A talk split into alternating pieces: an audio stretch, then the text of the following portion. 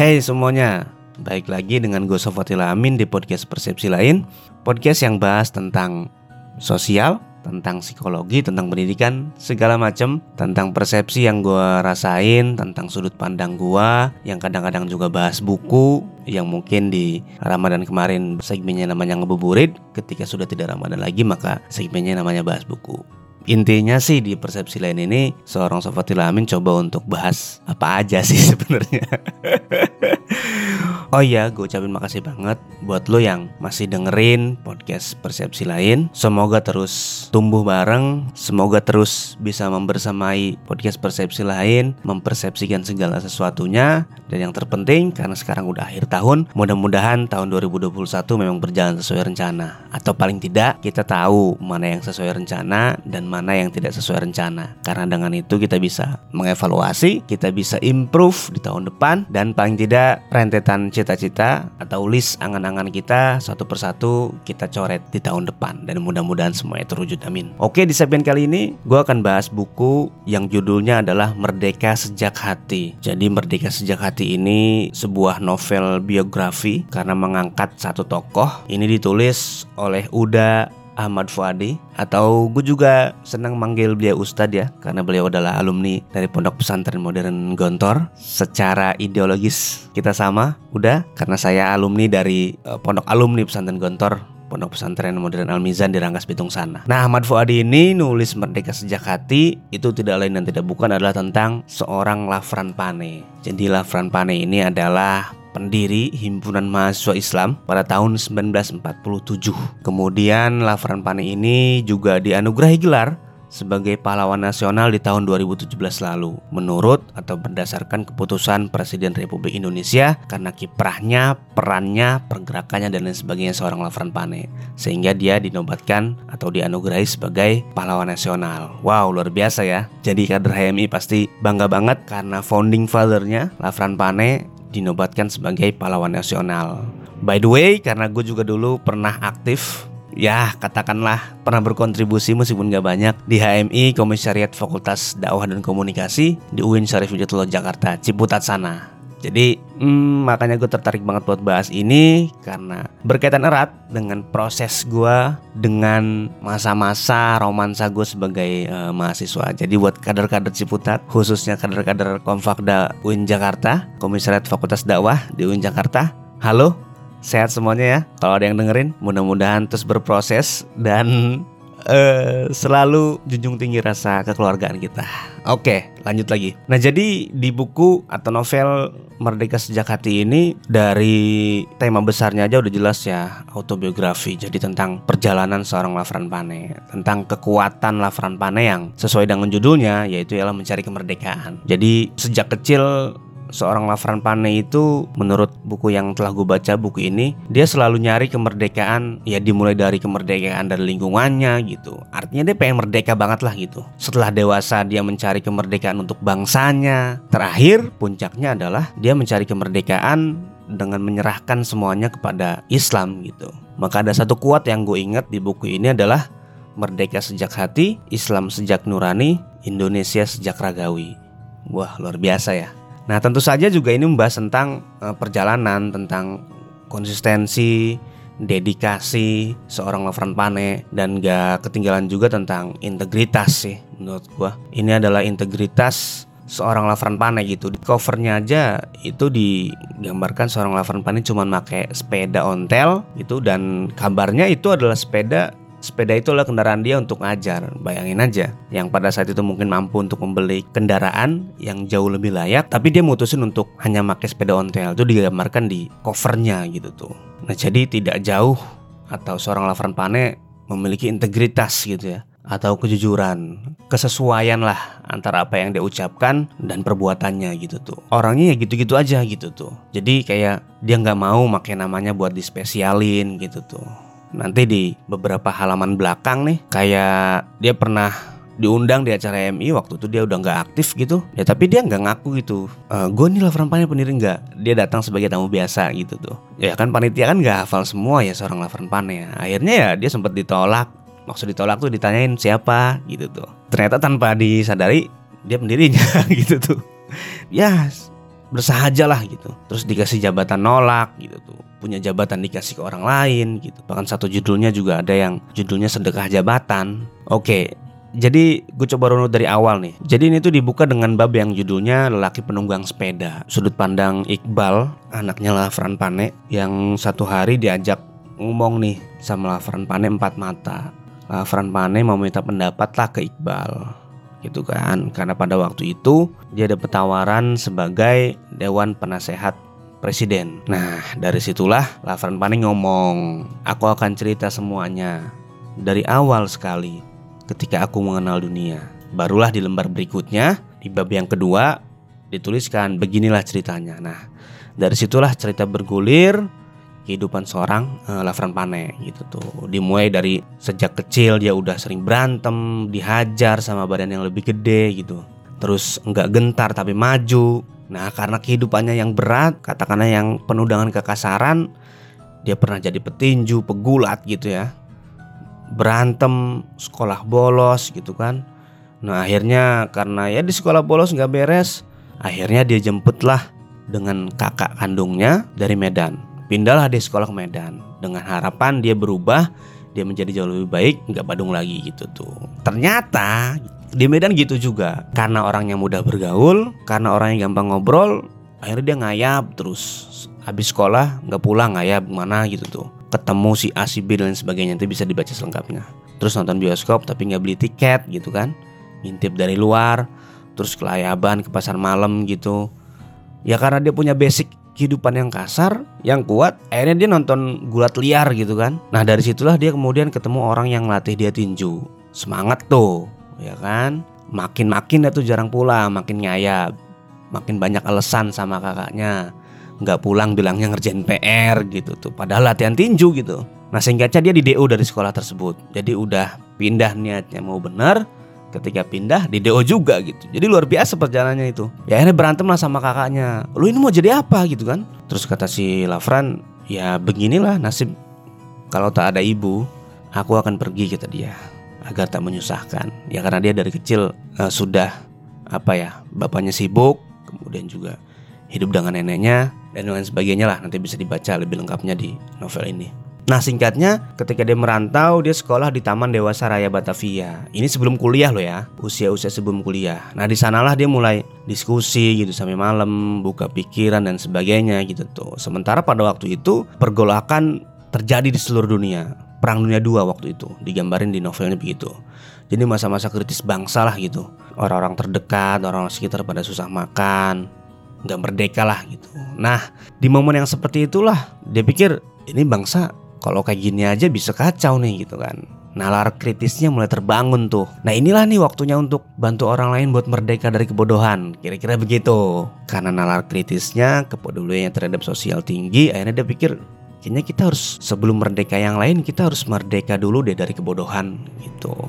Nah nalar kritis terus dia kembangkan Akhirnya satu waktu dia pernah di sidang Jepang. Ya dianggap karena karena dia ke sana sini ngobrol tentang membangun gitu kan tentang kepintaran dan lain sebagainya dianggap dia itu menghasut orang untuk melawan pemerintahan Jepang.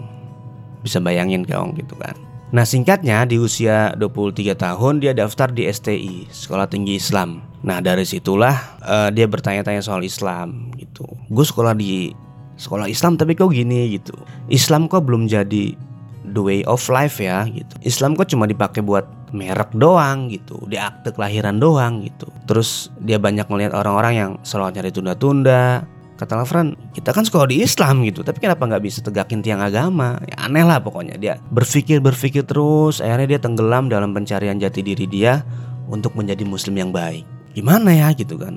Nah akhirnya setelah uh, dengan bekal nalar kritis dengan bekal rasa penasaran yang orisinil dari pemikirannya dia diskusi tuh mulai sana sini ya kan ini kenapa nih Islam nih kok gini gitu? Kok cuma jadi tameng doang ibaratnya gitu. Akhirnya dia ikut forum diskusi A forum diskusi B dan lain sebagainya. Nah setelah ikut ikut ikut ikut dia kepikiran kenapa gue selalu ikut ke orang lain? Gitu dia itu kenapa kita nggak bikin forum sendiri aja? gitu kan. Nah bayangin aja gitu. Dia tuh mahasiswa baru di kampus yang baru by the way. STI itu kampus yang baru. Di angkatan pertama dia bikin gebrakan gitu tuh. Dia kepikiran buat ya karena pada waktu itu kan gak ada forum diskusi di kampus baru ya. Adanya di kampus-kampus yang sudah besar di sekitar situ gitu. Dia menclok-menclok dia ngikut sana sini kepikiran kenapa gue ngikut orang lain? Kenapa gue nggak sendiri? Kata dia gitu. Nah setelah itu sehabis sholat dia terus-terusan tuh tafakur muncul ide. Kayaknya nih ke Indonesiaan dan keislaman harus digabungin deh. Kira-kira gitu.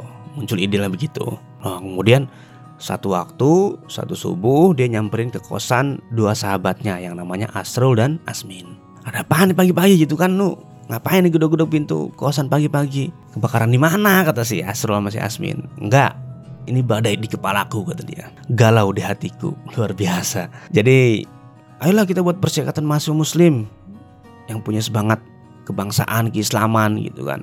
Ini udah lama banget nih idenya nih, menggompal di kepala udah saatnya lah gitu. Gue udah nyorot nyorot di kertas kira-kira gitulah uh, yang disampaikan Lavran Pane subuh itu ke dua sahabatnya gitu tuh. Ya dua sahabatnya aneh ya orang ini ngapain subuh subuh kucuk-kucuk ngajakin bikin perserikatan gitu tuh. Ya kata ya Asro sama Asmen kalau hubungannya sama Islam udah ada Mas Yumi. Kita gabung aja ke sana. Beda bung kata si Pane. Beda. Kita itu nggak berpolitik kita independen katanya gitu kata Lavran Pane. Ya mungkin kalau kader-kader HMI kayaknya ini salah satu cikal bakal lahirnya ada yang disebut dengan independensi organisatoris, ada yang disebut dengan independensi etis ya. Itu mungkin cikal bakal lahirnya tuh. Jadi HMI secara organisatoris independen, secara etis juga independen. Ya lengkapnya bisa dibaca ulang lah. Kader-kader yang kebetulan lagi denger. Kayaknya itu deh cikal bakal lahirnya gitu. Dia HMI itu terbebas dari politik apa pun gitu. Lah setelah ajakan itu kan si dua sahabatnya bilang terus yang ikut siapa ini? Subuh-subuh lu ngajak gua ikut bikin perserikatan segala macem Kan harus ada anggotanya kata dua sahabatnya. Ya kata Lavern Pane, ya ini aku sama kalian berdua. Jadi bayangin organisasi yang kita lihat tokoh-tokohnya di televisi sana yang pergerakannya luar biasa, masanya luar biasa, militansinya luar biasa adalah organisasi yang dimulai dengan tiga orang. ya ini sebelum deklarasi ya sebelum. Jadi masih obrolan-obrolan kecil gitu. Tapi bisa dibayangin kan ternyata hal yang begitu besar di luar sana yang kita lihat gitu yang jadi pemberitaan media-media yang mengambil perannya sangat strategis itu dimulai dari tiga orang men gitu. Nah sejak saat itulah karena dua sahabatnya juga ngedukung nah seorang Lafran Pane muda bergerilya tuh door to door ngajakin orang untuk berorganisasi Nah, akhirnya dia beranikan diri satu waktu ngomong tuh ngajakin di depan teman-teman sekelasnya. Ini belum deklarasi nih ya, belum. Biasalah pertama ada penolakan karena waktu itu juga Lavern Pane ngomong juga agak gelagapan gitu tuh. Belum terkonsep matang lah akhirnya gitu. Nah, akhirnya dengan segala perjalanan panjang, ya detailnya bisa dibaca di buku lah. Dia lebih komitmen, lebih terkonsep. Akhirnya orang-orang mulai respect. Setelah itu dia beranikan diri untuk mengantarkan undangan rapat ke organisasi-organisasi, ke perguruan tinggi-perguruan tinggi sekitar untuk rapat lah gitu kan intinya. Jadi di situ tuh ada Balai Perguruan Tinggi Gajah Mada, organisasi PMY dan lain sebagainya. Dia undang untuk pergerakan pertama lah kira-kira gitu. Nah, setelah kejadian itu adalah tuh 15 sampai 20 orang yang militan yang dianggap kayaknya orang ini sudah pro nih sama gue nih kira-kira gitu bisa dijadikan pengurus lah gitu. Nah berbekal 15 sampai 20 orang itu muncullah pertanyaan ini organisasi mau gini-gini aja nih gitu kan mau diskusi-diskusi kecil aja nih apa gimana Itulah kira-kira. Ini kapan nih kita lahir? Diresmiin gitu kan. Masa rapat doang, diskusi doang. Kapan nih bisa gerak secara legal lah ibarat kata gitu. Nah, akhirnya kepikiran lah Ravan Pane ya juga ya kata dia. Kayaknya kita harus deklarasi nih.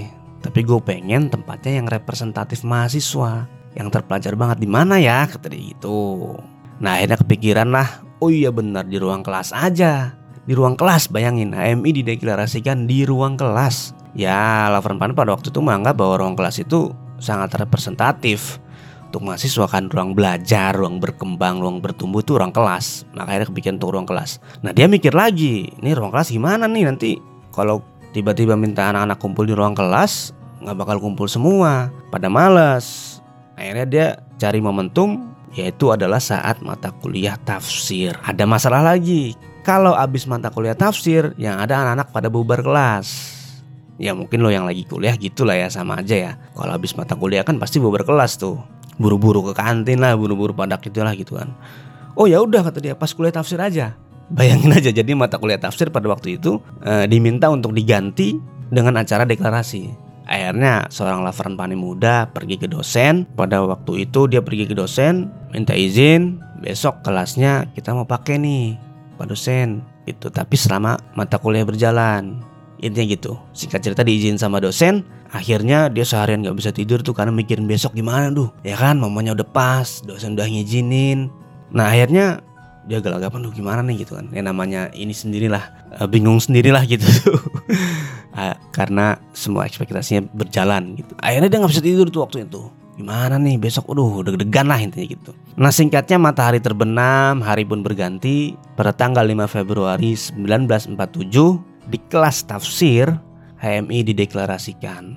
Sore hari Rabu bertepatan dengan 14 Rabiul Awal 1366 Hijriah di ruang kuliah. Lo bisa bayangin di ruang kuliah 1947 5 Februari HMI dideklarasikan bersama Lavern Pane dan teman-temannya. Bayangin aja jadi organisasi yang besar, pengurus besarnya luar biasa, kader-kadernya militan, sudah jadi orang semua. Ternyata cikal bakalnya adalah ruang kelas uh, kuliah.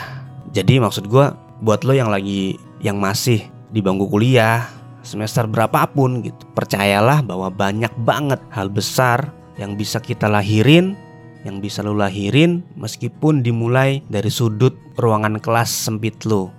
Dari ruangan kelas kecil lo saat diskusi-diskusi kecil mulai dipantik.